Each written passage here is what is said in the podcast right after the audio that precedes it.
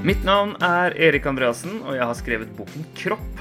En bok for unge kristne og de voksne rundt dem, men også for alle som har en kropp. I denne podkasten snakker jeg med kloke mennesker om temaene i boka kropp, seksualitet og kristen tro. Og i denne episoden skal jeg snakke med psykolog Maria Abrahamsen Østhassel. Hva tenker hun nå som psykolog om hva hun selv fikk høre om kropp og seksualitet da hun vokste opp i et kristent ungdomsmiljø på 2000-tallet? Og hvordan ville hun nå møtt Maria 15?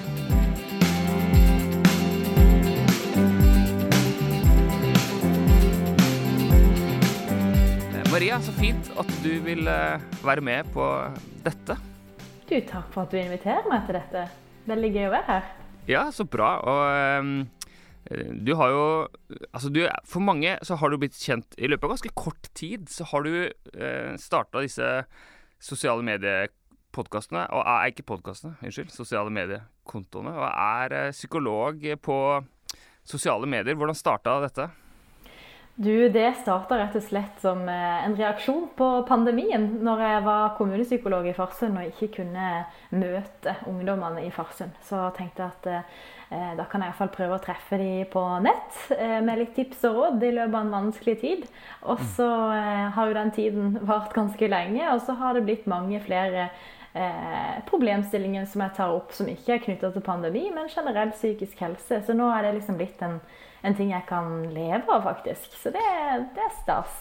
Ja, det er helt rått. Og jeg har jo fulgt deg en stund, og liksom også med en sånn baktanke om at kanskje jeg skal spørre deg om å være med på denne, dette. Uh, og fordi jeg tenker ok, TikTok-psykolog, uh, hva er det som uh, Hva sies her? Hva, formidles? Men jeg har virkelig utrolig sans for det du sier, og skjønner at du er selvfølgelig en dyktig fagperson og sier gode ting da, i dette virvaret av TikTok-videoer og Eh, Instagram-verden. Eh, og Det er jo litt annerledes å være TikTok-psykolog enn kommunepsykolog. Det er jo to, to forskjellige begrep, om ikke annet. ja, det, det, er veldig, ja, det er litt sånn forskjellige farger på det, vil jeg si. Men, men, eh, ja, målet mitt når jeg var kommunepsykolog, var jo egentlig å begynne å jobbe mer med forebygging og, og spre kunnskap. Fordi jeg har veldig tro på det at jo mer vi vet om helse og hvordan vi skal ta vare på helsa vår, jo, jo lettere er det å på en måte eh, ta, aktivt ta gode valg for å ta vare på helsa vår. Så, så, det har jeg alltid hatt lyst til. Så det å bruke digitale medier da, som en plattform for nettopp å kunne formidle det som jeg syns er så gøy å vite, mm. eh, det er jo en fryd, altså. Mm. Men Fortell om, eh, litt om bakgrunnen. Altså, hvorfor ble du psykolog? Altså, hva var det som drev deg i utgangspunktet til å gå den veien? Jeg har en tante og en onkel som eh, er psykologer, og så har egentlig de inspirert meg veldig. Og så eh, har min mor hun tok bachelor i religionspsykologi på Ansgar eh, i Kristiansand. Og så begynte det egentlig med at jeg tok et årsstudium på Ansgar sjøl i psykologi. Mm. Og så fant jeg ut at dette var jo virkelig noe for meg, og så fortsatte jeg liksom hele veien deretter. Så jeg har alltid vært veldig nysgjerrig på hvordan mennesker fungerer, og hvorfor vi gjør som vi gjør, og eh, hvor forskjellige vi er, liksom. Så, så det, det, har jeg alltid kjent på som barn òg. Så, så, dette passer meg veldig godt, altså, dette yrket. ja. Og så, eh, ja, så har du disse kontoene som vi har snakka om, og, og, du har fortalt litt om hva du ønsker med det. da. Eh, så har du også gitt ut en bok eh, i fjor, var det det? 2021, eller? Ja, stemmer det. Mai 2021. Mm. Ja, Sykt deg. Hva er det egentlig som foregår på innsida? Eh, og det skal vi snakke om eh, mer etter hvert. Ja, hva er det som foregår på innsida hos eh, i de fleste ungdommer, eller i mange ungdommer. Eh, men før, før, vi går løs på det, Maria, hva, hva skal jeg si, er du bekymra for dagens ungdom? Hvordan går det bra med ungdommen?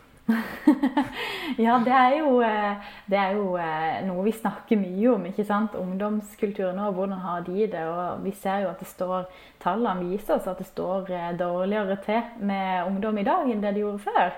Um, og det kan være mange grunner til det. Um, vi har jo vært inne i en pandemi som har ført til en del økning i enkelte psykiske lidelser, f.eks. spiseforstyrrelse.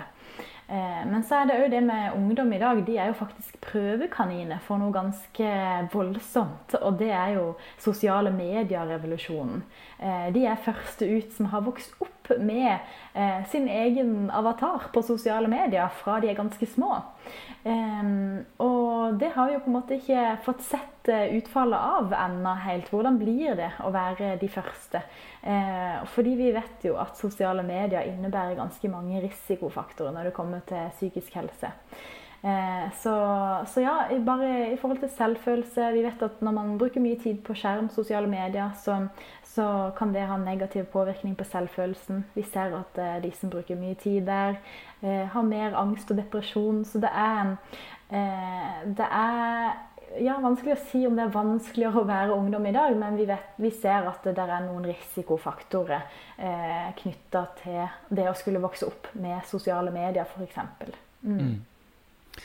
Ja, og det, og det, er et kjempespennende felt som, som, ikke jeg er ekspert på. Du har jo, altså du skriver jo selv et sted, eller jeg leste et sted at du sa at det er litt ironisk at du som egentlig er liksom bekymra for hva sosiale medier gjør, selv er veldig aktiv der. Altså du har, eh, jeg sjekka i går, du har 74 000 følgere på Instagram.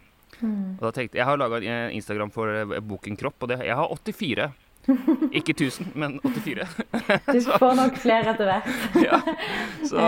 Men jeg, eh, jeg, har ikke noe mål om å lage noe stor eh, eh, Instagram-konto der, altså. Men, men, eh, men hvorfor altså, Som sagt, dette paradokset, da. At det er der de er. Man er bekymra for at de bruker tid der, eh, og så er du der allikevel. Er det en slags eh, ja, et lys i mørket, eller eh, hva? Altså, jeg tenker det er jo på en måte Hvis vi ser at eh, det er farlig å være et sted, men eh, de unge går der likevel, sånn som på byen. Mm. Mm. Vi vet at veldig mange unge mennesker vandrer rundt på byen på lørdagskvelder. Og da har vi innført natteravnordninger, ikke sant? som kan være der og være til stede som en trygg støtte hvis noe skjer. Og det det tenker jeg, altså Nå er jo sosiale medier faktisk eh, minst like farlig for barn og ungdom.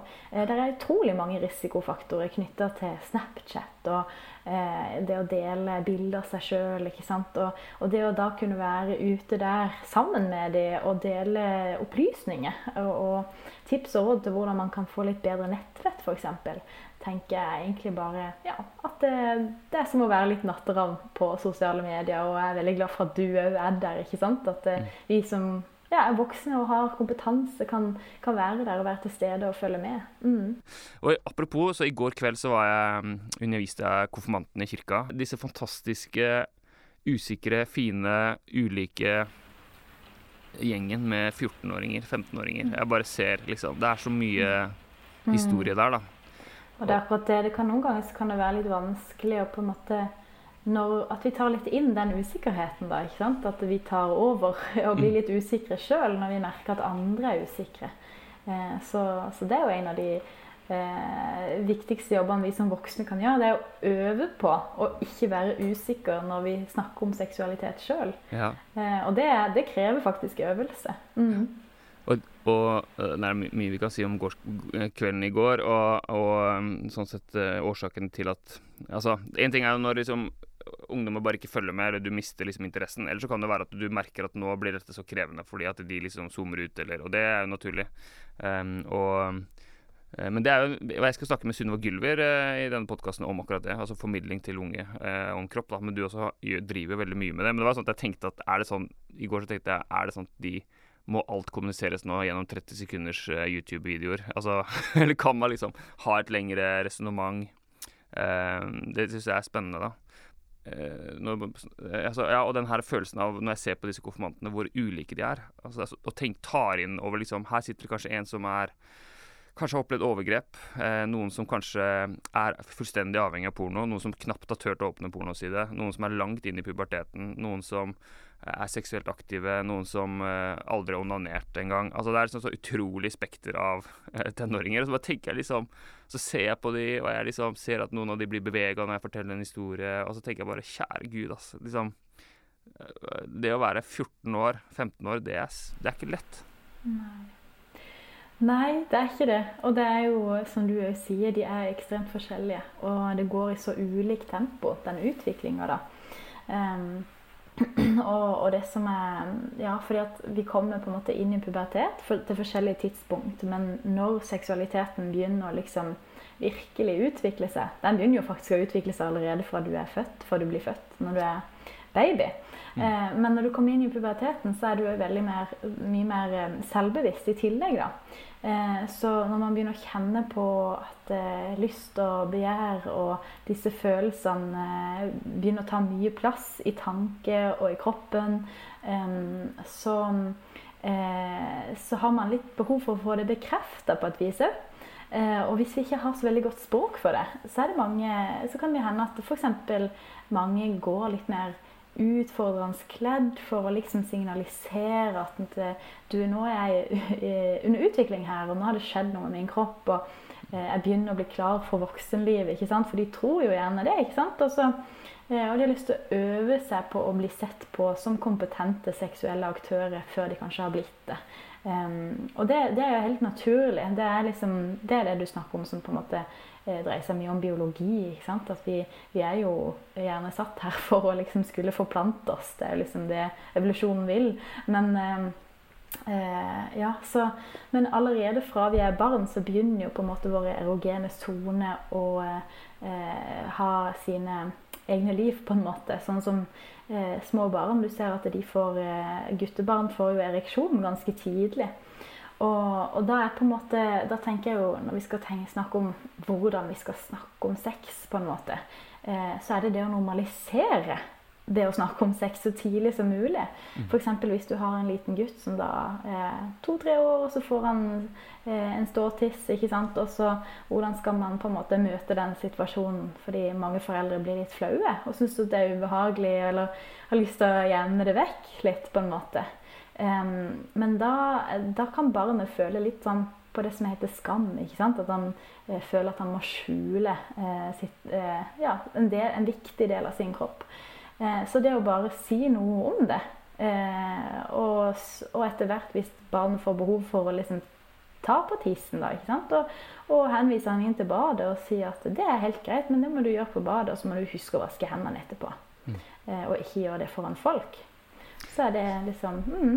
Ja, og det er jo Det her snakker jeg, snakker jeg også med Ingeborg Ørjasæter i, i denne podkasten her, som er eh, Eh, hva skal jeg si, Hun vil ikke kalle seg sexolog. Den tittelen er litt sånn, Hun har videreutdanning i sexologi og familieterapi, sykepleier, om, om det her med å snakke med barn om, eh, om kropp og seksualitet. Fordi, og, og, jeg tenker jo, selv om eh, Eh, eller jeg tenker, Selv om jeg nå skriver for ungdom, så er det jo det er på en måte for seint. Altså, som du sier, seksualiteten er jo Vi er jo seksuelle vesener fra start, og, og, seksualiteten utvikler seg. og Det er ikke sånn at man, det er ikke en knapp man skrur på når man kommer i puberteten. Og, og også den bevisstheten til oss foreldre, og det for meg har det vært bevisstgjørende å tenke på det. altså hvordan hvordan snakker jeg når det som du sier skjer, da, når barnet begynner å ta seg på tissen, eller de, eller de stiller spørsmål, eller det er nakenhet på TV, eller altså, å tenke Hvordan man møter barnet da, vil jo påvirke det barnets kroppsfortelling, da, som jeg bruker som begrep. Altså, det, på, altså, det, har noe å si om, den, om det barnet blir veileda på en god måte, eller om det får høre 'fysj', eller 'det der skal du ikke holde på med', eller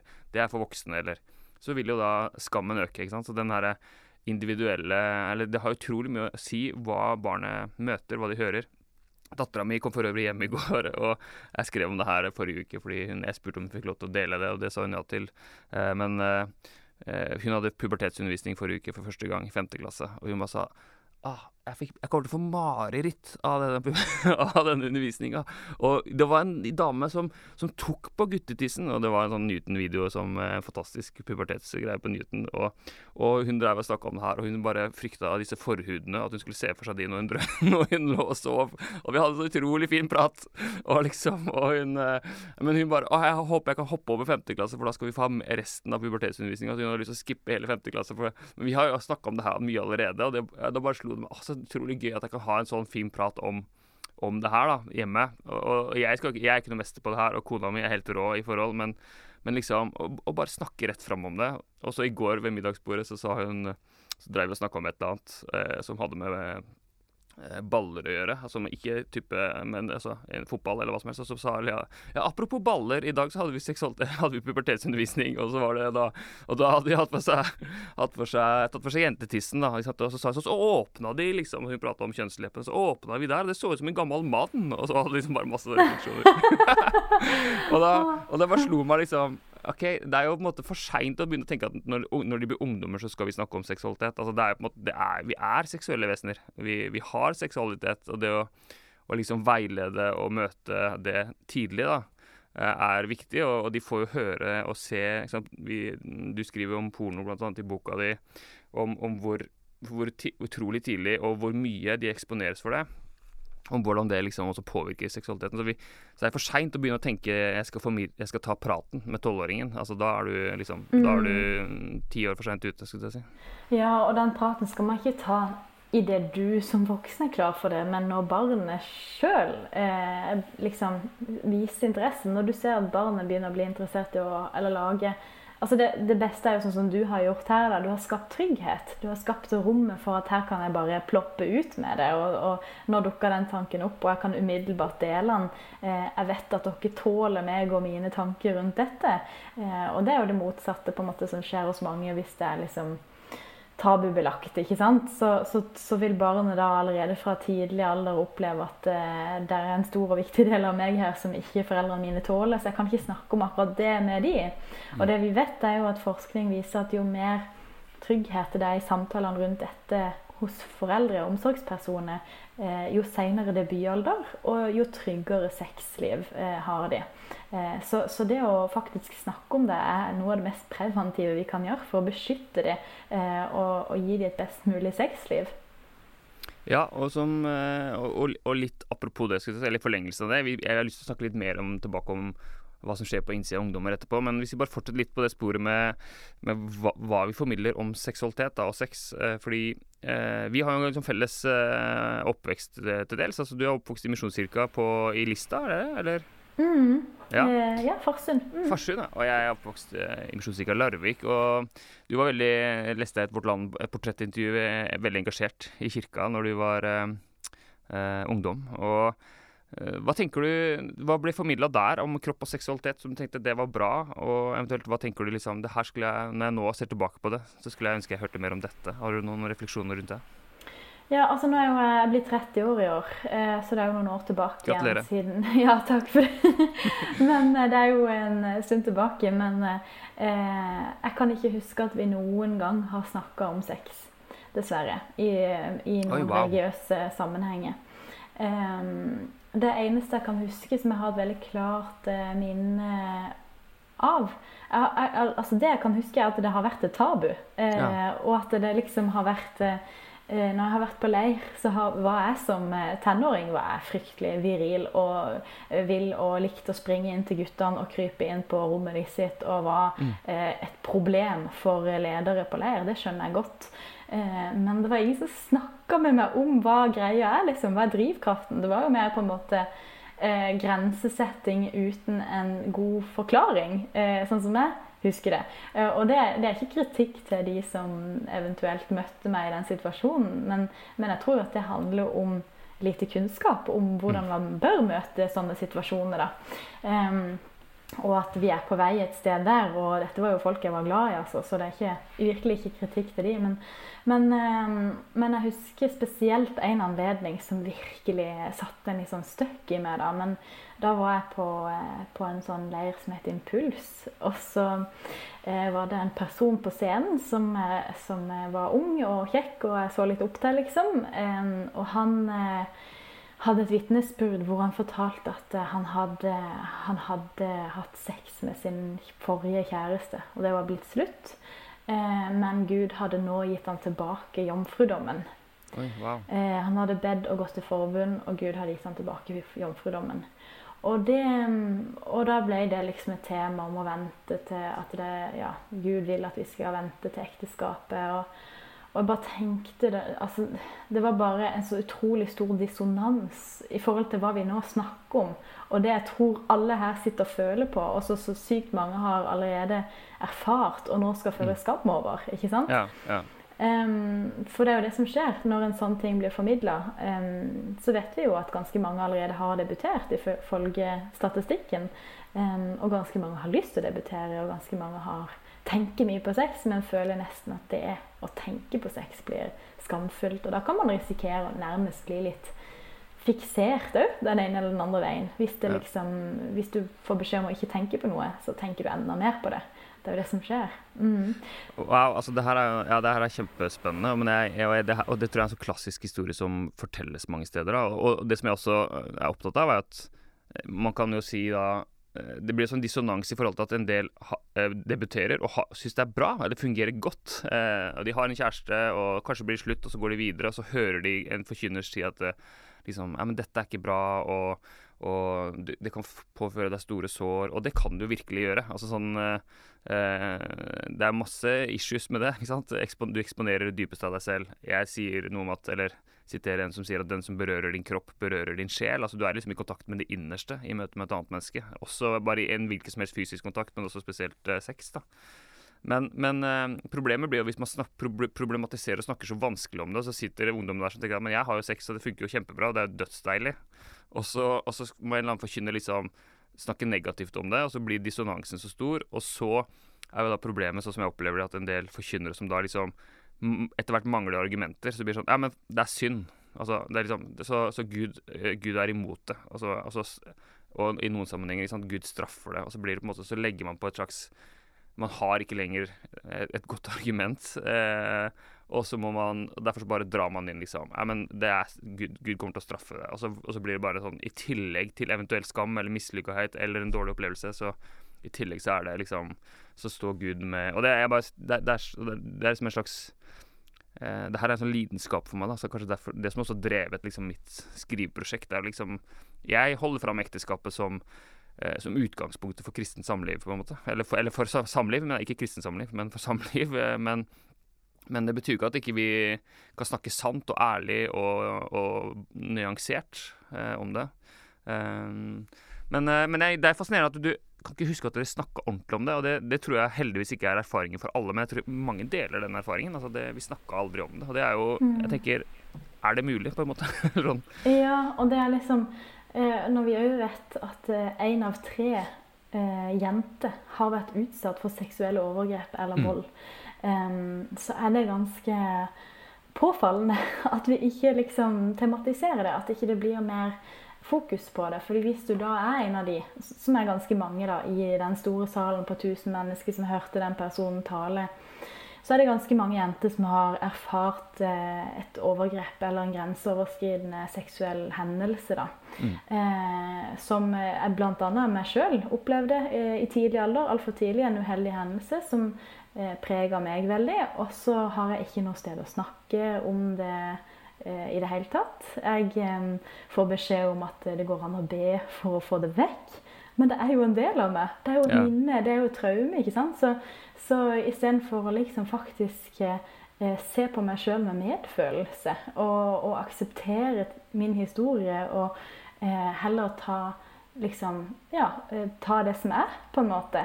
Så, så har jeg jo da måttet føle på ekstremt mye skam knytta til min egen seksualitet og hatt et vanskelig forhold til sex fram til jeg ble ganske voksen og ble bevisst over at uh, ting som jeg trodde var min feil, ikke var min feil. Ja. Åh, takk for at du deler. Altså, det jo, og det, det tror jeg er så manges erfaring også. Og det er, og det er så viktig at sånn som du deler om det, og at vi som formidler, ofte foran ungdom, måtte ha det ekstremt høyt oppe i bevisstheten. Og som vi sagt, når jeg møtte konfirmantgruppa i går òg, så, så tenker jeg for meg at de var kanskje 20 stykker, kommer fra veldig ulike eh, bakgrunn, eh, historier. Eh, det vet jeg på en måte også, og kom, men, jeg, men jeg ser det bare for meg også alltid. At her sitter det noen som jeg, som jeg sa, noen som har opplevd det du har erfart. noen som, altså, Og da, da må man snakke annerledes enn hvis man tenker at her er alle liksom eh, eh, I noen sp- kristen sammenheng så kan man snakke om rene. ikke sant? Altså man, Her er alle rene, her er alle liksom uskyldige, her er ingen debutert seksuelt ennå. Og hvis man da snakker om ja, eh, f.eks. det her med sex før ekteskapet, som om at det er det eneste, så er det sånn så, men det sitter jo allerede noen der som ikke har venta, eller som ikke har klart det, eller som har opplevd det at noen har tråkka langt over grensene deres. Altså, eh, jeg husker på en sånn festival jeg var på, en stor festival hvor jeg var med i forkynnerteamet, hvor en, en predikant liksom fortalte om en sånn Skulle ha en sånn klassisk sånn synd-frelse-preken, at vi har alle synda, derfor så trenger vi frelse. Eh, eh, klassisk vekkelsespreken. Men liksom Og da snakka han bare om hvordan han på ungdoms ungdomsskolen eh, hadde stjålet en brus eller et eller annet sånt, og bare hadde hatt så sjukt dårlig samvittighet for det her, og liksom bare brukte det som et store eksempel på liksom Derfor trengte han frelse. Og så sitter jeg tenkte jeg, i dette teltet her, så er det jo det er folk som har opplevd overgrep, det er folk som har tatt abort, det er folk som ikke sant? Så bare ikke kom her med en brus, liksom. Altså hva er det for noe, liksom? Er, så, så, vi må bare ha liksom Ja, alle disse kroppsfortellingene, som jeg sier, da. Eller, sånn, eller livshistoriene. Så opp, oppi, oppi minnet, betyr, eller oppi, høyt oppi tanken, så betyr ikke det at ikke man skal, kan løfte fram idealene, løfte fram hva som er godt, mm. men med utrolig stor empati og medfølelse, da, og, ja, og sannhet, rett og slett, altså hva som er virkelig. Mm. Ja, og også, ja, jeg føler jo på en måte Altså måten ting blir litt sånn formidla på da for min del typisk på leir, så, så var det jo noen hendelser hvor jeg liksom fikk litt beskjed om å dekke meg litt mer, f.eks. Eh, når jeg var kommet i pubertet og var litt sånn Ja, syntes det var stas å vise at jeg hadde fått kløft. Mm. Um, og da blir jo Det var jo et signal Måten det ble sagt på, var jo egentlig et signal om at du må ta ansvar så du ikke vekker begjær i andre. Uh, og for ei jente da som allerede har opplevd noe grenseoverskridende, så tenker jeg ok, så det var faktisk min feil, det som skjedde. For ja, min, mitt ansvar, ikke sant.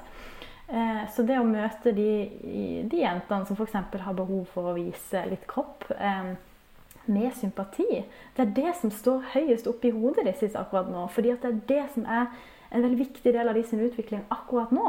Eh, de har lyst til å bli sett for det. Så går det an å heller møte dem med å snakke om de andre aspektene ved de òg, som er så fine. Hva slags andre ting er det ved deg som menneske som, som jeg òg har lyst til å se mer av? Fordi at du er jo, du er, du er jo en flott Du er jo kropp, men du er òg et menneske. Eh, Istedenfor å liksom eh, straffe, så må vi heller liksom eh, belønne de gode sidene. De, altså det er jo en god side, det òg, på en måte. Jeg har veldig Ja. Men eh, nei, eh, det, det, er noe i det miljøet som jeg har vokst opp i, da, som jeg har eh, analysert veldig i ettertid. da. Særlig som psykolog så blir man jo selvfølgelig veldig bevisst over disse mekanismene. Mm. Ja, det jo, men det er veldig lærerikt og kjempeinteressant. Jeg tenker, altså jeg fikk ikke beskjed om å dekke meg til for å ikke vekke begjær, men for å ikke vekke avsky. Mm. jeg bare tulla. det, det, er din historie. ja, nei, men jeg husker sjøl når jeg var uh, igjen, jeg tror dere som hører på denne podkasten, jobber i ungdomsarbeid eller med, med kir i kirkelig sammenheng. Og jeg husker sjøl når jeg var ungdomsarbeider uh, rett etter videregående, jeg var kanskje 20, jeg, mellom jeg var 20 og 23. og stor del av ungdomsgruppa mi i den menigheten jeg var i da, var jo unge jenter som både var forelska i meg, skjønte jeg etter hvert, som jeg måtte deale med. Hvor jeg hadde gitt ei en klem, uh, men ikke en annen, og det ble et veldig stort problem. Uh, og jeg måtte liksom forholde seg til det. Og så i tillegg så den gangen så var det veldig populært med sånne G-string-truser og lave bukselinjer. Så de gikk, med, liksom, de gikk jo med trusene langt opp på ryggen og med bare overkropper og Eller sånn bar mage. Og liksom det å OK, der står jeg som 22-åring og midt på peak av seksuell uh, drift. Og så skal, så skal, man liksom jobbe med dette her, prøve å veilede og prøve å si noe fornuftig og møte de med empati, som du sier. Og nei, det er uh, Det er komplisert, altså.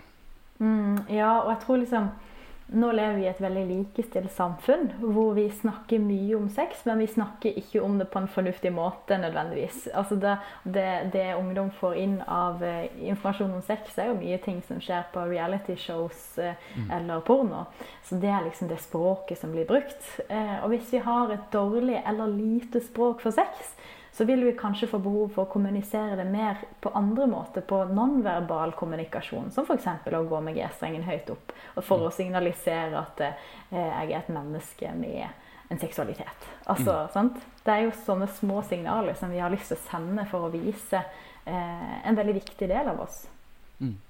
Men, men altså, så hvordan ville du veilede Maria 15, da? Eller du sa jo litt om det i stad, men eh, ja, eller, men ta det en gang til. Altså, liksom, du møter Maria 15 som har behov for å vise at hun har fått kløft, at hun er et seksuelt vesen, eh, trenger å bli bekrefta. Altså, hvordan, som voksen, hva gjør du?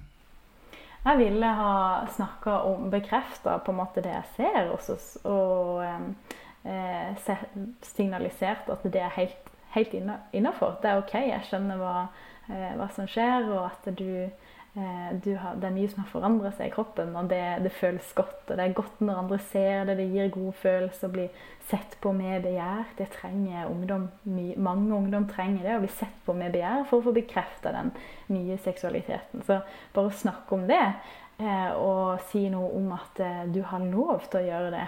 Eh, men du har jo lov til å være klar over at du, har, eh, du kan sette grenser for deg sjøl. Snakke mer om hvordan man kan sette grenser, hvordan du kan legge merke til når du har lyst og når du ikke har lyst. ikke sant? Og, mm.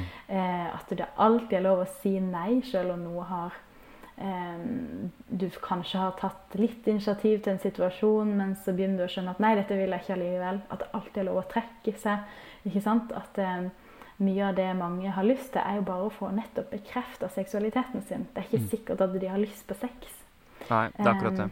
Um, mm. Og jeg, jeg, eh, Det var noe av det som uh, Altså på den konfirmantundervisningen i går, altså det der med uh, ja, så er det jo alltid en grense, og det skal, vi, vi snakke, det skal jeg snakke om i en annen podkast, om hva skal man dele fra eget liv og sånn i ulike formidlingssituasjoner. Men men uh, jeg delte noe da fra, min, fra når jeg var uh, ungdom og hadde kjærester. Og, og, jeg husker jeg klina så sinnssykt mye med ei da jeg var eh, åttende klasse. da, Nå, nå var den åttende klasse. Ja, det var deilig. Jeg husker mamma kom inn på rommet en gang og sa at 'Å ja, det er dere er her'. Jeg ville bare sjekke, for det var så stille så lenge. ikke sant? Så hun bare liksom så, så, men det, Og så sa jeg at det er en del av seksualiteten, liksom. Og det er jo fantastisk. Og så sa jeg men det går faktisk an å velge å, å bare ha sex med én i hele sitt liv. Uh, og de bare liksom altså bare, Jeg føler jo at jeg står og bare forteller en, en, sånn, en, en spøk. Eller sånn, De bare Er det mulig, liksom? Altså, at, og jeg hadde liksom opp, opplevd masse gjennom min seksualitet før jeg var gift. For den derre Det å måtte å utvide det spekteret, da, som du, som, som du sier.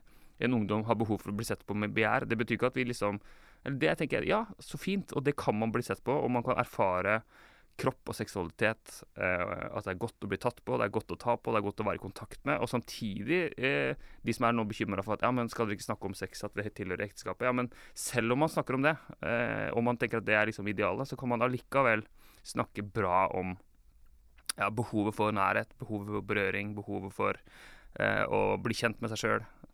Ja.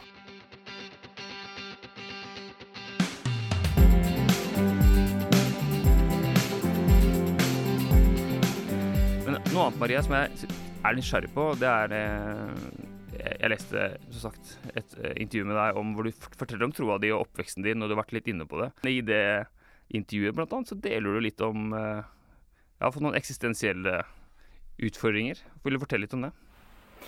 Ja, altså Jeg har jo vært egentlig sånn vokst opp Eh, vokst opp i søndagsskole, og eh, fra jeg var ung, eh, altså 12-13 år, så har jeg vært på leir alene hver sommer og hver påske og fått utrolig mye positivt ut av det. Og er veldig takknemlig og glad for det. Men oppi alt det så ble jeg en veldig skråsikker kristen. Eh, som sto fremst på forhåndsrad rad med hendene i været og var veldig hengitt til, til Gud. Eh, og det ga meg trygghet, og det var, eh, det var veldig fint.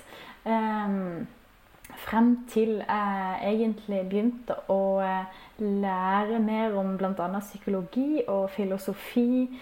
Og lære om alternative måter å forstå livet sitt på, som begynte å rokke veldig med min virkelighetsforståelse. da.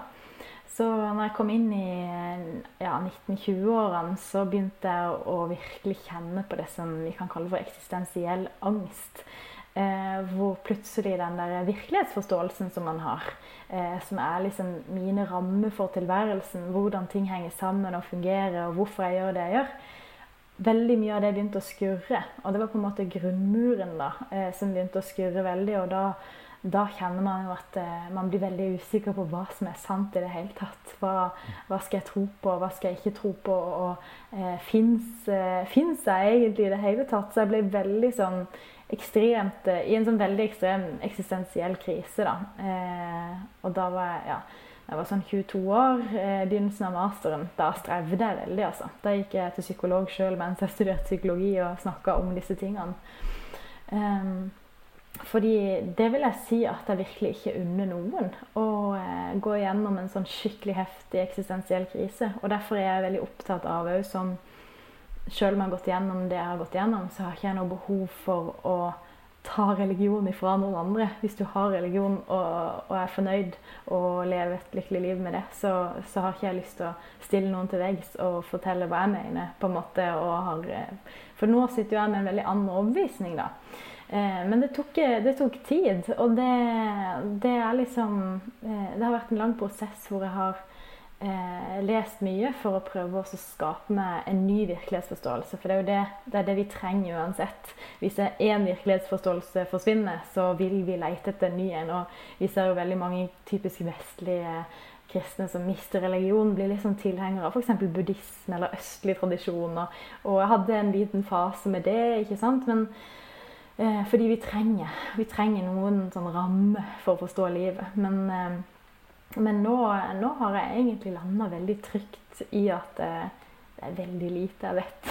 Jeg vet mm. egentlig Jeg vet ingenting, jeg. Og, og det er helt greit. Så jeg istedenfor å se på det der eh, eksistensprosjektet mitt med frykt og, og eh, anspenthet, så ser jeg på det med nysgjerrighet og eh, liksom glede over å liksom ikke bare er liksom et menneske som tenker, men jeg tenker over min egen eksistens.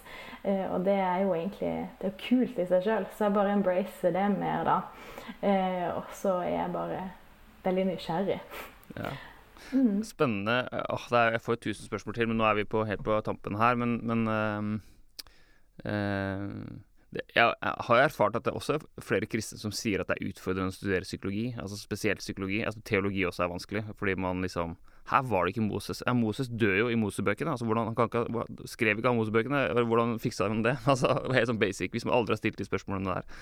Eh, men også psykologi. Sånn, hvordan funker ting? Og bare det med gruppepsykologi når du står med hendene der foran lovsangen. Altså, hva, hva er det i gruppedynamikken som gjør det her mulig, osv. Hvis man begynner å se på de der, eller se på og Grunnen til at jeg liksom blir engasjert av det temaet, her også, er at jeg er en ganske stor skeptiker. Så jeg synes, noen ganger så har jeg bare følt meg altfor lite kristen til å være pastor. Og, og, og, rundt bordet, hvis det er en smågruppe, eller så jeg, føler jeg ofte at jeg er den som er mest stille for et spørsmål og er mest kritisk. Eh, som kan være et dilemma. Så delte jeg det til en sånn åndelig høvding en gang som heter Petter Halldorf, og liksom sa du, hvordan skal vi tenke rundt åndelige fenomener, for jeg var litt eh, kritisk til en sånn sammenheng. Så sa han nei, i møte med åndelighet så skal man være grunnleggende skeptisk. Og jeg bare Hæ, skeptisk? Vært, er det noe jeg har vært og følt jeg har vært altfor mye, så er det skeptisk. Og så sa han at det var liksom en, noe man bør være. Og så sa jeg åh, du skal ikke Du aner ikke hvor mange spørsmål jeg stiller, og hvor skeptisk jeg er. Så sier han det er en gave, sier han. Det er en gave. Uh, og, så jeg, jeg, tenker jo det også Men det, det får kanskje bli en annen podkast, uh, um, Maria, om om det her med eksistensiell krise, og hvordan vi møter unge som stiller spørsmål, og at det er rom for å og, og, og, litt det som du erfarer òg, at det er, rom for å stille de spørsmåla. Og også, sånn som du sier nå, du er usikker på alt. Og det kan jeg også noen ganger tenke. Hvis jeg begynner, skal begynne å tenke rasjonelt og prøve å forstå verden, hvordan alt henger sammen, og så er det jo Altså, hvem vet, liksom, hvordan alt er. Men så hviler jeg liksom i at nei, men jeg tror faktisk Gud er Han holder meg, han holder verden. Han, det er noe som fins bak dette her, og jeg mener en kristen, en kristen verdensforståelse, kristen virkelighetsforståelse i, i, i, den gode versjonen, er, den, er i, en eller annen konkurranse en veldig god fortelling. Kanskje til og med den beste. Eh, og så er den, tror jeg at den er sann i tillegg, selv om det kan være vanskelig å tro. Men nå begynner jeg å prate om meg sjøl, egentlig. Men jeg synes det er veldig fint å høre du, du dele, da, og Hva tenker du nå, da, når du nå har vært gjennom denne veldig krevende perioden eh, og liksom kommet litt ut av det? Hvordan ville du møtt deg selv når du var 15, som kunne kanskje hjulpet deg når det kom? Eller, ja. Mm. Jeg tenker at når den krisa begynte å komme, så, så følte ikke jeg at jeg hadde noe sted å gå til. Fordi at det var enten på en måte mine eh, medstudenter, kollegaer, professorer som på en måte ikke hadde den eh, religiøse overbevisninga som jeg hadde. Eh, og så var alternativet det var mange mennesker som var veldig skråsikre. Så hvis jeg kom og, og lufta min uh, usikkerhet eller min eh, skepsis da, med noen som var veldig sikre, som, som var veldig ja, skråsikre i troa si, eh, så ble jeg jo egentlig bare møtt med Da ble liksom ikke følelsen min møtt med forståelse. Um, så det, det, det, du sier der, syns jeg er fint. at Det, det høres ut som at du på en måte har den skepsisen. da, Så, så hvis jeg skulle møtt meg sjøl eh, som 21-åring når det sto på som verst, så, ville jeg nok ha Hvis jeg da var et, et kristent eh, forbilde, så ville jeg kanskje sagt Vet du hva, jeg vet ikke noe heller. Jeg, altså, vi vet ingenting. Eh, vi kan tro noe, men Men vi vet ingenting. Eh, men eh, ja, jeg lever godt med det. Eh, mm. fordi det jeg trengte å se, det var jo noen som var skeptiske, men overlevde. fordi jeg var bare så vant til at andre hadde en, en helt klar overbevisning om noe. Eh, så ja, det å stå i skepsis alene er vondt. Mm. Tror du det hadde vært annerledes? Hadde du vært et annet sted i dag hvis du hadde blitt møtt på den måten? Nei, jeg, altså, sånn, jeg, sånn, jeg, grubler ikke så mye over hvordan ting burde ha blitt gjort annerledes. For jeg tror at alle de tingene som har, gått, uh, har blitt utfordrende og vanskelig i mitt liv, har gjort meg til den jeg er i dag. Og jeg kom meg gjennom den krisa helt alene. Og det, det er jo jeg glad for, for jeg er trygg og sterk i, i dag. Og jeg har liksom opparbeida meg noen ressurser uh, med å klare meg alene på det. Så jeg mener ikke at vi alle skal klare å gjøre ting alene. Det er jo egentlig ikke det jeg anbefaler i det hele tatt. Men, men eh, jeg kjenner at det er helt greit at det var det som skjedde med meg. Ja. Mm. Eh, du sa at vi ikke vet noen ting. Jeg tenker vi vet noen ting. Eller jeg tenker vi kan sannsynligvis si at vi har kropp. Vi har eh, pust. Vi har ulike kroppsfortellinger. Og takk, Maria, for at du har vært med her og snakka om dette, og også delt fra din egen eh, det jeg kaller kroppsfortelling, eller egen livshistorie. Eh, utrolig spennende å prate med deg, og vi må ta mer om dette her, eh, om skepsis og eksistensielle spørsmål mm, en annen gang. Men eh, takk for alt du gjør for ungdommene våre, og for eh, at du er et så, et så godt lys i, like i verden. Tusen takk. Tusen takk, du ha en god dag videre, og så lykke til med alt du står i. Takk det samme.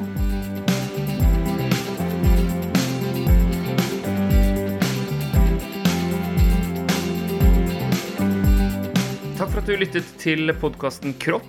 Følg gjerne prosjektet på Instagram og Facebook, skråstrek Bokenkropp, og samtaleopplegg til podkasten finner du på bokenkropp.no.